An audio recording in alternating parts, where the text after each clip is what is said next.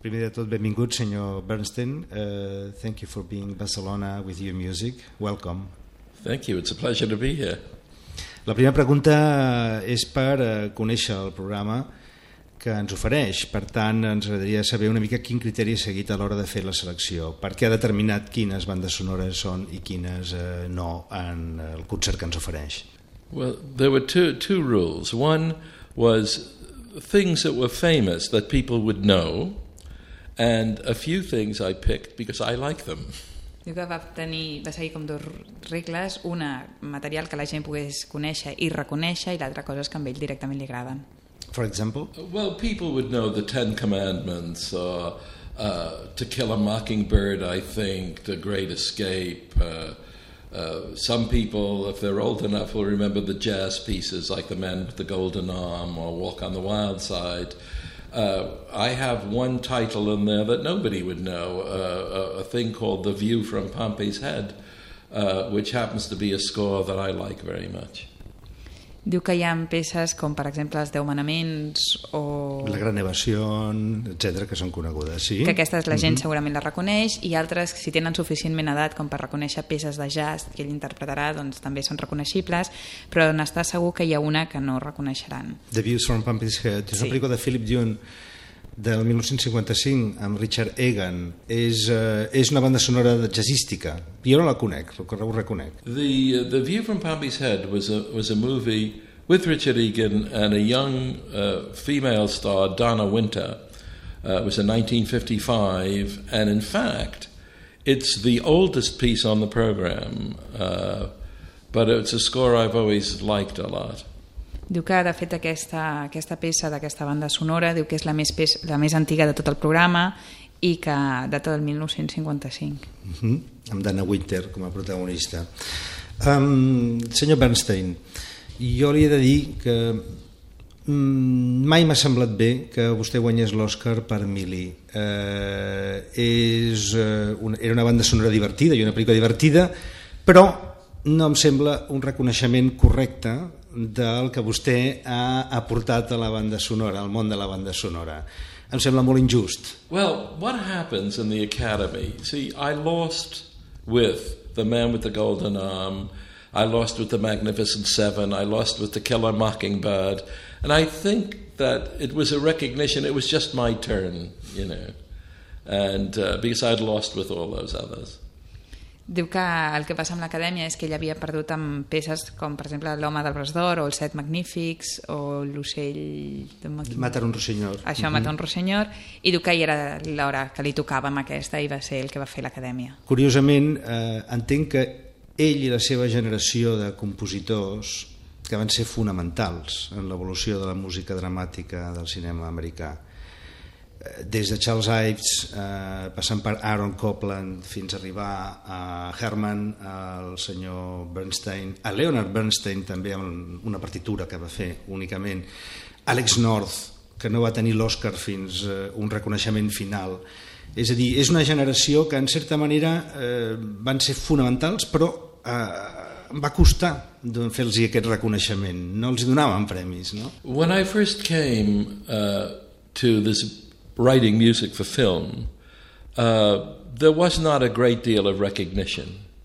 Uh, but the success of things like High Noon, Dmitry Tyomkin, uh, The Man with the Golden Arm, uh, began to make people think about film music. And uh, the recognition, I must say, is much greater in Europe than it is in the United States. In Europe, people uh, are much more interested in and know about uh, film music much more than in the United States. Que al principi aquest no reconeixement va, va canviar el fet que moltes pel·lícules sí que tinguessin un gran èxit, com per exemple L'home del braç d'or, i que, que a partir d'això la gent s'hi repensés i reconeixessin el mèrit de la banda de so i per exemple que Europa es reconeix molt més aquesta feina i aquest, uh, aquest mèrit molt més que als Estats Units i que això fa que la gent estigui molt més interessada i que parin més l'orella amb les bandes sonores. Senyor Bernstein, eh, la seva música té unes quantes característiques, eh, com a mínim a mi em sembla, que voldria comentar-li. D'una banda, un, una capacitat rítmica molt precisa, molt muscular, molt determinada. D'altra, un lirisme quan és el moment, eh, cas de Matar un ruissenyor, To Kill a Mockingbird, eh, un lirisme que demostra un coneixement profund de l'ànima humana eh, amb una gran sensibilitat i eh, tot lligat amb una capacitat de fer un ús de la percussió com mm, jo crec no s'havia fet ús encara en el cinema americà fins llavors. Well, always I always uh, wrote music with a great deal of energy because that's just me. But uh, actually, I prefer to do a music which has to do with people, the way people feel. Uh, uh, scores like To Kill a Mockingbird or more recently Rambling Rose, uh, because they're films about people and the way people feel. And I prefer actually to do that. Diu que sempre ha escrit amb molta energia, que és la seva manera de ser, i per tant això sí que no pot canviar, però que prefereix fer música que té a veure amb la gent i amb els sentiments d'aquesta, com per exemple Matar a un senyor o una de les últimes que seria Rambling Rose. Estaria d'acord el senyor Bernstein que a un període de la seva carrera, anys 50, primers dels 60, va definir musicalment els Estats Units, és a dir, l'energia dels Estats Units, l'energia dels Estats Units amb bandes sonores com uh, Some Came Running o Walk on the Wild Side o The Rat Race, etc. I per altra banda, una forma de drama íntim americà amb uh, Summer Smoke o Chicken Mockingbird o per exemple Birdman from Alcatraz, és a dir, l'energia i per altra banda l'esperit íntim de, de l'home americà. De... Yes, actually, I purposely uh, tried to do very different kinds of music and very different kinds of film simply because it's more interesting for me. Uh, I don't like to do the same thing over and over and over again. Uh, sometimes uh, I had to do a lot of westerns or a lot of comedies, but I always try to change because I like to do different things. Diu que, que fa diferents tipus de música de, i de pel·lícules, però que és a consciència, que ho fa conscientment perquè és més divertit per ell que no pas sempre fer el mateix, que pot fer un dia una cosa i després passar a fer westerns i, i això és el que l'anima. Ah, els Deu Manaments, The Ten Commandments, és, eh, reconeixeria que és una peça rara dins de la seva carrera, és a dir, eh, és un, és, era molt jove, és a dir, que, que el cridessin a fer aquesta banda sonora una persona com Cecily DeMille o la Paramount, eh, en lloc de cridar un dels vells clàssics de Hollywood i que confiessin en un jove encara inexpert en certa manera, eh, i ell va donar una partitura realment gran, però que jo entenc que no, no està repetida després, és un cas únic un, dins de la seva trajectòria. After the Ten Commandments, I did a film at Warner Brothers called The Miracle. It was the only other religious subject for which I did the music. And it was, I wrote the score for The Miracle, was an homage uh, Cecil B. DeMille. Uh, Cecil B. DeMille knew exactly what he wanted in that film. And uh, it is, in that sense, uh, a, a, unique film. I never wrote anything like that again, except in The Miracle, which I said I did as an homage. Diu que, que sí, que realment aquella peça és única, que el Cecil B. DeMille sabia exactament què volia per aquella peça, però que només una vegada ha repetit un estil semblant que va ser en una pel·lícula per la Warner que es deia El Miracle, que era també de tema religiós i que ho va fer com a homenatge al Cecil B. DeMille. Però és l'única vegada que ha repetit estil, com si diguéssim. M'agrada molt que hagi inclòs en el programa una banda sonora com Hawaii, que és eh, un treball també atípic, mm, però que té un, jo crec que té una percepció de la música autòctona. És una pel·lícula, clar, és una pel·lícula, però eh, té una anàlisi de la música hawaiana que se'n surt una mica del, eh, dels estereotips, no? i que jo crec que s'ha de reivindicar del tot, aquesta partitura. The, actually, it was very difficult. Hawaii was very difficult. I went to Hawaii to find out what in the 17th, uh, the 18th, 19th century, what their music would be. And there were many percussion instruments that they had, some of which I used in the film. And also, uh, they had a, a tipika a chant that they sang. It was very typical. Of went uh, da da da da da da da da. It's a very typical chant, and actually, in the Hawaii piece that I'm doing here, that chant appears at the very end of the piece I'm doing here. Diu que, per fer, que va ser una peça de fer molt difícil, que es va traslladar a Hawaii per veure com, com ambientava aquella música que ha dit que es feia sobre el segle XVIII i XIX, quins instruments utilitzaven i a part dels instruments hi havia un cant típic, que és aquest que ell, que ell ha fet, que s'inclou al principi de la peça que ha escollit per fer el repertori aquí a l'auditori. Considero que eh, segurament eh, un dels moments, alguns dels moments més brillants de la història del cinema americà contemporani els han fet junts el senyor Bernstein i Saul Bass.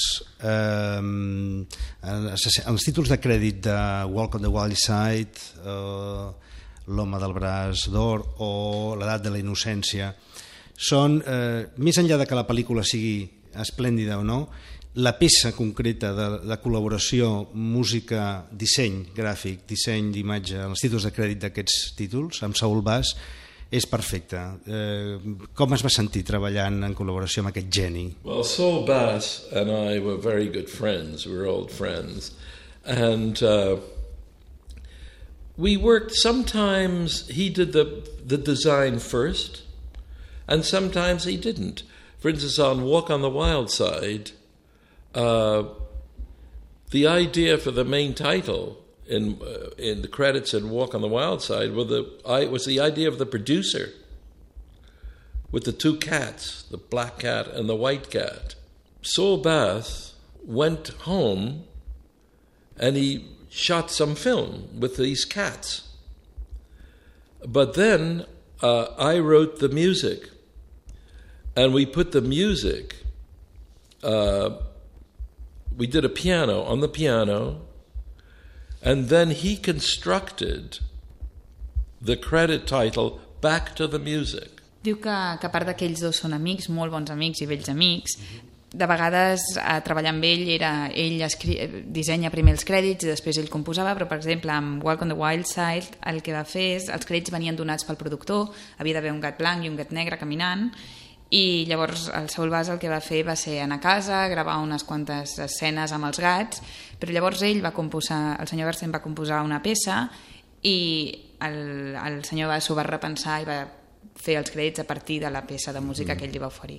Hi ha una banda sonora del senyor Bernstein que em sembla molt important eh, perquè per mi és la millor pel·lícula que s'ha fet mai sobre la guerra i eh, la música era terrorífica i jo crec que transmetia a la perfecció l'esperit del film i era una música molt dura, molt difícil era una pel·lícula d'Anthony Mann que es deia Men in War i que m'agradaria que comentés Well, he, uh, he, he really knows, he really studies, I want to tell you. I haven't heard about men in war for a long time. No, actually, that was, that was for me a very interesting, a very interesting exercise. Uh, it was a very interesting exercise because what I chose to do is the men are walking through a minefield, and it's very dangerous. But what I thought was very interesting was they're walking through the forest, and the forest is very beautiful. And here they're walking through this very beautiful atmosphere with the possibility of death at every second. And the music I wrote was not for the, for the fear of death, but it's actually sort of for the beauty of the, of the atmosphere where they were. And I thought that was a very, I, I really enjoyed doing it. I thought it was an interesting thing to do. Que va ser una peça molt interessant de fer i que feia molts anys que no sentia que ningú li comentés sobre aquesta pel·lícula i que va ser un exercici, un exercici interessant perquè, perquè ell tenia la idea de l'home caminant enmig d'un bosc, que era molt maco, preciós, però era un camí plegat de mines, antipersona, i llavors era la idea de la mort a cada segon, que se, ara, o vius o morts, però que quan ell va fer la peça ell no pensava en la mort i en el perill, sinó en tot el contrari, que era la bellesa d'aquell bosc i aquells camps. Uh -huh. eh, el senyor Bernstein ha estat un dels pioners, és dir, no dels pioners, però compositor consagrat, grava va gravar molts discos en una col·lecció que produïa sobre bandes sonores de Rotza, Herman i companyia, recuperant-les per nosaltres. Eh, jo trobo falt, a faltar algunes, moltes bandes sonores editades del senyor Bernstein, i curiosament hi ha una que m'agradaria molt que existís, que és Seven, Seven Women, la, la banda sonora de John Ford, i eh, així com ella s'ha preocupat d'enregistrar bandes sonores d'altres compositors, hi ha alguna possibilitat de que treballs inèdits seus en disc eh, apareguin en el futur? Uh, I, in recent time, uh, I have formed a record company called Amber Records, and we're going to do some of those things. We're certainly going to do Kings of the Sun, which is a score that never was never came out. Yes, so we're going to do some of this. Yeah, and uh, there is a website on the on the internet, which is basically my name, Elmer Bernstein, at AOL, and that has information about things we might do. Diu que, que sí, que tens raó, que hi ha algunes que no estan editades, però que ha fundat una casa discogràfica que es diu Amber Records i amb la qual recuperarà algunes peces, com per exemple el Reis del Sol, que uh -huh. és de Sant, i que també hi ha una pàgina web, que és el seu nom, Elmer Bernstein, i que allà es pot comentar i consultar alguna de les coses que tenen en projecte. Doncs li agraïm moltíssim que ens hagi acompanyat, eh, l'admirem molt, de veritat, que faci un bon treball, que li funcioni bé l'orquestra, que tingui molt èxit, moltes gràcies, de debò. Great pleasure. You want me to sign that thing?